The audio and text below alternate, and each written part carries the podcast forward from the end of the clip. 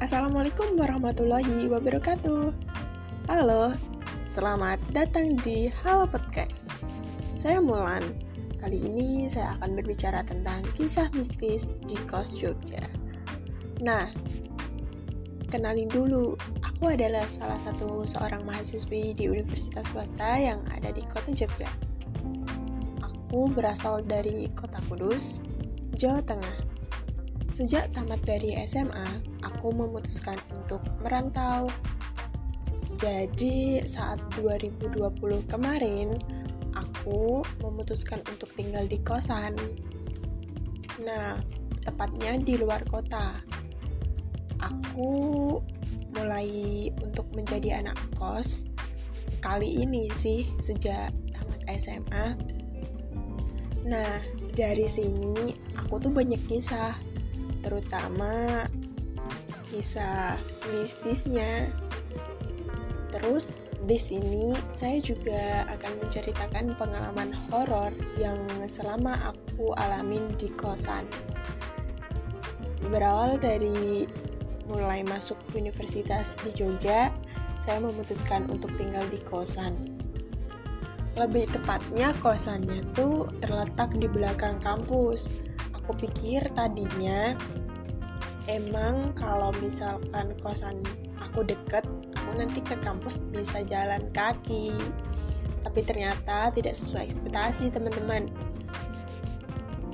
Terus juga aku tuh niatnya ngerantau biar bisa ngekos biar happy biar nggak overthinking di rumah biar agak sedikit punya waktu bener-bener sendiri gitu kan ya udah niatnya happy ngekos tapi malah digangguin setan.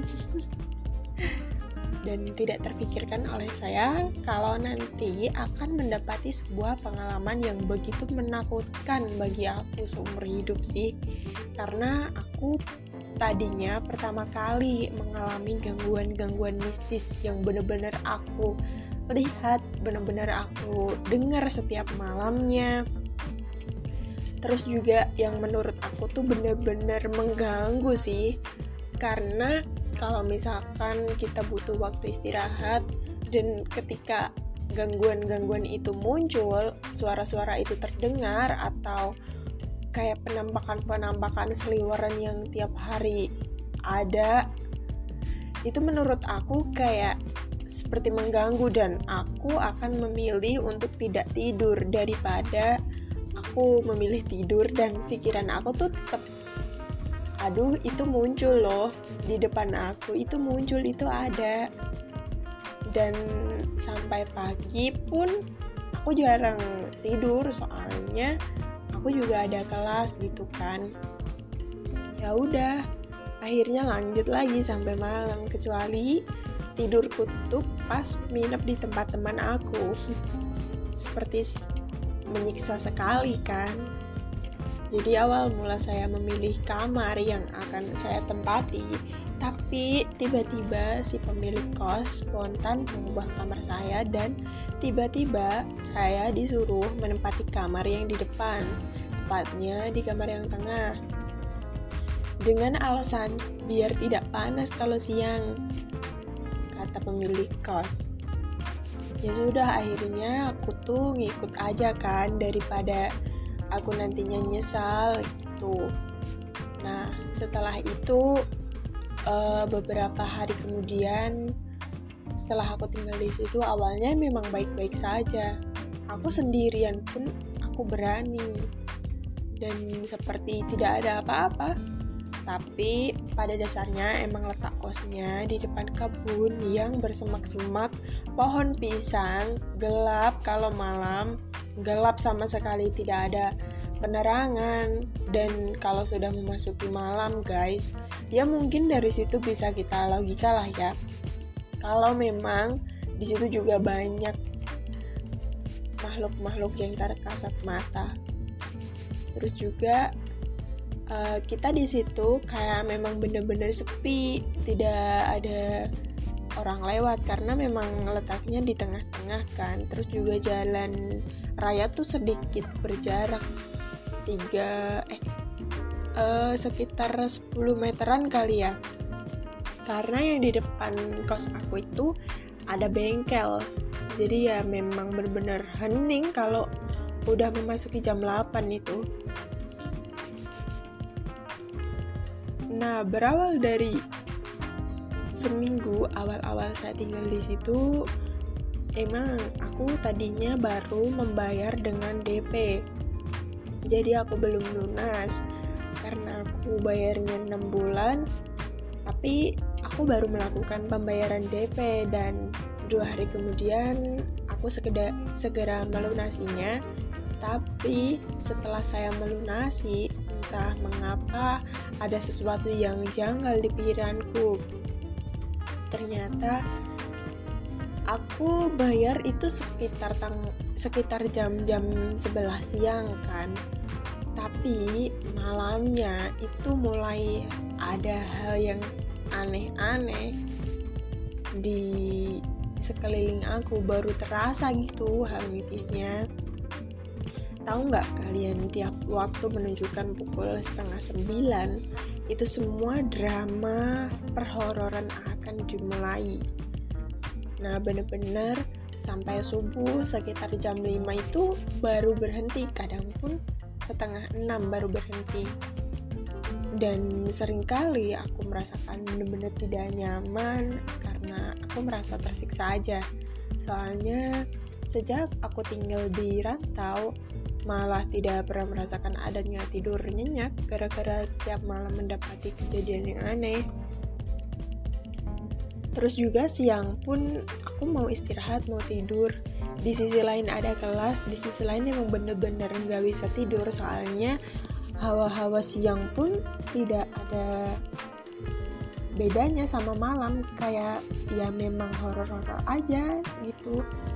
Dan asal kalian tahu kan tempat aku tuh agak kecil ya. Dan nggak mungkin juga di situ ada anak-anak tiap malam. Itu ada yang berlari-lari terus juga di atas kan tidak ada kamar atau balkon tuh nggak ada. Tapi rasanya di atas itu kayak bener-bener ada orang lari setiap malam. Kadang ada suara tepukan anak kecil biasanya juga ada jejak-jejak kaki anak kecil. Kadang juga ada yang makhluk gede terus jatuh. Suaranya kan bruk gitu kan. Jadi di logika tuh apa? Ya kadang aku cuman berpositif tinggi kalau itu tuh cuma pohon pisang yang sedang jatuh gitu. Kadang ya um, soalnya daerahku tuh jauh dari rumah warga ya guys. Nah tiap malam sangat dipastikan waktu dan ada suara anak laki-laki lari. Kadang cu kadang juga anak perempuan kayak oh oh mungkin ini cucunya anak kos gitu. Maksudnya cucu dari anak bapak atau ibu pemilik kos gitulah. Daripada aku takut terus kayak gimana ya mau minta tolong sama siapa? Begitu kan. Jadi ya udah aku berusaha untuk menghibur diri. Kadang juga ada banyak suara lainnya. Kadang kadang pun bau wangi-wangian gitu seperti entah menyan, entah melati. Dan tiap hari tuh aku sering denger kayak ibu-ibu yang mau jemur-jemur pakaian terus pakaiannya tuh diperas-peras dulu gitu kan. Nah habis itu kadang pun uh, tadinya yang temanku nggak percaya dengan cerita-ceritaku akhirnya dia tuh buktiin dia tidur kan di tempat aku. Habis itu dia ini dia baru percaya kalau adal kita tuh pulang pulang ngerjain tugas tuh jam 7 kan eh jam 7 pergi pergi ngerjain tugas tuh jam 7 tapi pulangnya tuh jam 3 gitu.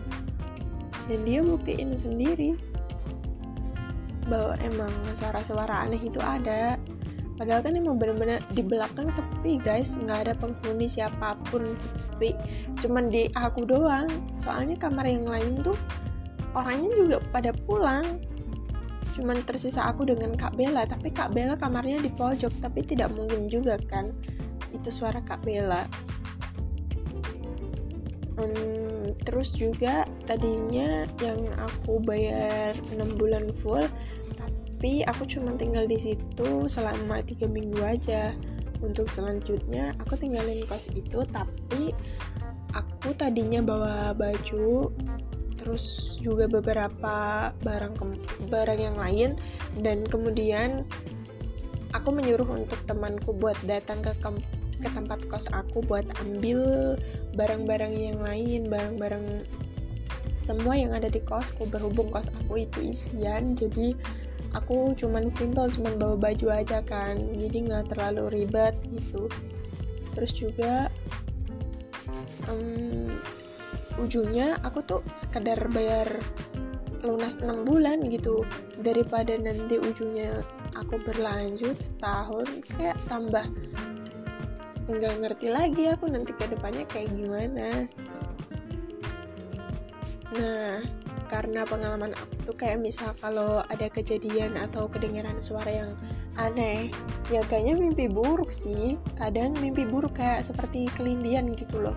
Kadang juga sering tiap malam itu kelindihan dan di sekitar aku kan ya emang itu kos aku pribadi kos aku sendirian. Jadi ya nggak ada teman untuk membangunkan kan. Jadi ya kayak serasa ada yang mau mencekik tapi tuh nggak ada wujudnya gitu loh. Terus juga kalau misal aku tidurnya bener-bener sendirian tapi kalau aku bawa temen itu yang kelindihan tuh pasti teman aku kayak bergilir gitu guys. Mungkin itu sih yang dinamakan uh, menurut aku kejadian yang aneh dan serem. Soalnya dalam logikaku ya emang aneh aja gitu. Jadi sampai sekarang aku seperti gak bisa banget untuk tinggal di kos sendirian Nah rasanya tuh terlalu parno gitu sampai kapan aku ya bisa harap jalanin hari biasa seperti temen-temen bisa tinggal di kos sendirian terus bisa bebas gitu. Kan setiap orang juga punya privasi. Nah aku tidak tahu guys sampai kapan nanti aku bisa melakukan itu. Karena aku sampai sekarang tuh setiap uh, di kosan cuman ada satu tetangga kamar kos yang kadang shift malam dia kan kerja ya. Itu tuh nggak berani aku balik kos dan setiap maghrib pasti aku akan pergi ke tempat temanku atau keluar sekedar nongkrong. Yang penting aku tuh cabut dari kosan setakut itu. Terus juga ketika aku pulang ke kos pasti aku akan bawa temen sampai sekarang. Aku akan bawa temen Nah, temen aku akan aku suruh minum di tempat aku. Terus juga kemarin tuh kejadian aku kan di kos sendirian. Ini kos kos aku yang baru ya. Karena aku udah tiga kali pindah kos dan menurut aku cuman yang sekarang sih yang agak nyaman menurut aku. Meskipun ya kadang bau-bau mistis juga ada, tapi kemarin memang bener-bener aku sendirian.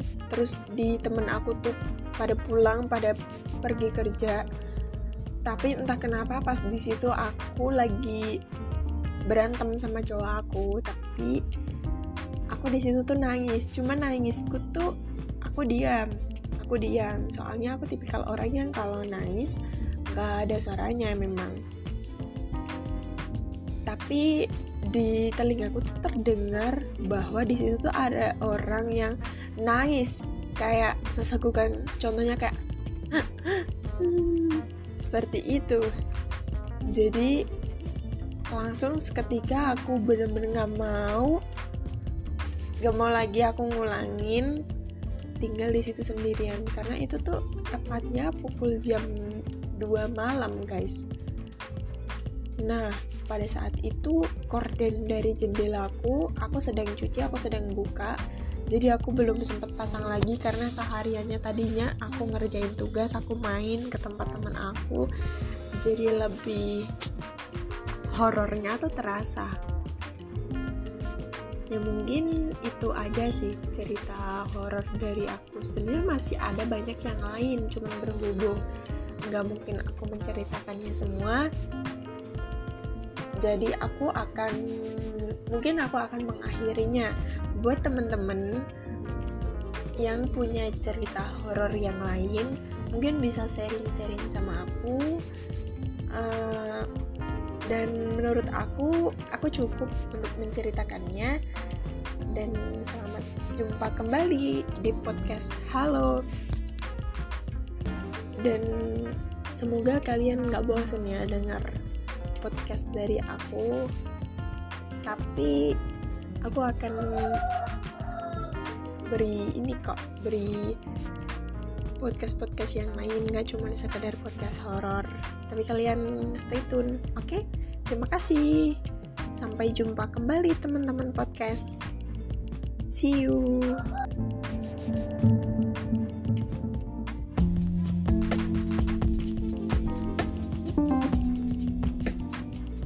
Selamat pagi para pendengar berita pagi KPFM Radio. Kembali hadir di ruangan dengar Anda bersama saya, Makfirah Maulani. Selama dua jam ke depan, dari jam 12 Sampai jam 2 siang nanti, saya akan nemenin kamu. Dalam lintas pagi ini, sejumlah informasi aktual terkini telah kami sajikan untuk para pendengar setia KPFM Radio. Sejumlah informasi sudah disiapkan tim redaksi KPFM untuk menemani suasana pagi Anda dalam selama 2 jam ke depan. Dengan selingan lagu-lagu pop Indonesia, informasi pertama dari dunia olahraga yaitu kompetisi sepak bola Indonesia Super Liga atau ISL KNB Liga 2021. Persatuan Sepak Bola Seluruh Indonesia PSSI menyatakan kompetisi Indonesia Super Liga ISL dan divisi utama akan tetap dilanjutkan meski Kementerian Pemuda dan Olahraga Kemenpora pembekuan PSSI. Kepastian tetap berjalan kompetisi ISL yang kini bernama GNB Liga itu dikemukakan Wakil Ketua Umum PSSI hingga Panjaitan di Jakarta kemarin. Seperti diberitakan antara news hingga mengatakan PSSI dan Liga sudah bertemu dan menyatakan siap. Kompetisi ISL rencananya akan dilanjutkan pada 25 April dan kompetisi divisi utama berlanjut pada 26 April setelah sempat ditunda dua pekan.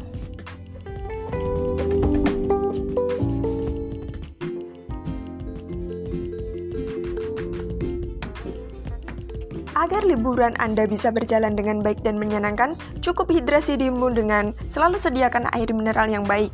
Dengan variasi ukuran yang beragam, botol maupun gelas, dan mudah dibawa bepergian.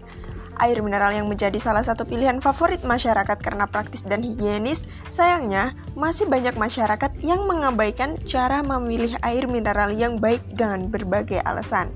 Pastinya, air mineral tersebut mengandung mineral yang dibutuhkan oleh tubuh dan menjaga kesehatan tubuh kita.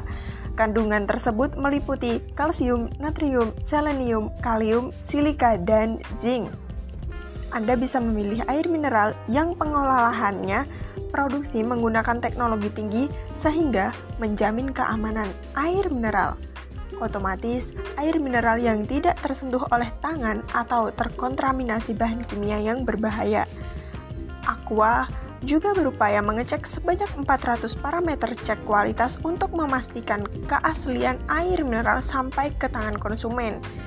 Selain itu, terdapat kemasan gelas, botol, dan galon yang bisa Anda pilih sesuai kebutuhan Anda di rumah. Produksi Aqua cocok untuk diminum di rumah dan menjaga kesehatan keluarga Anda. Aqua berkomitmen memberikan kemurnian 100% air mineral pegunungan dengan kualitas terjamin dan diambil secara langsung dari sumbernya. Yuk, lengkapi traveling akhir tahunmu dengan membawa Aqua setiap saat untuk penuhi hidrasi harimu.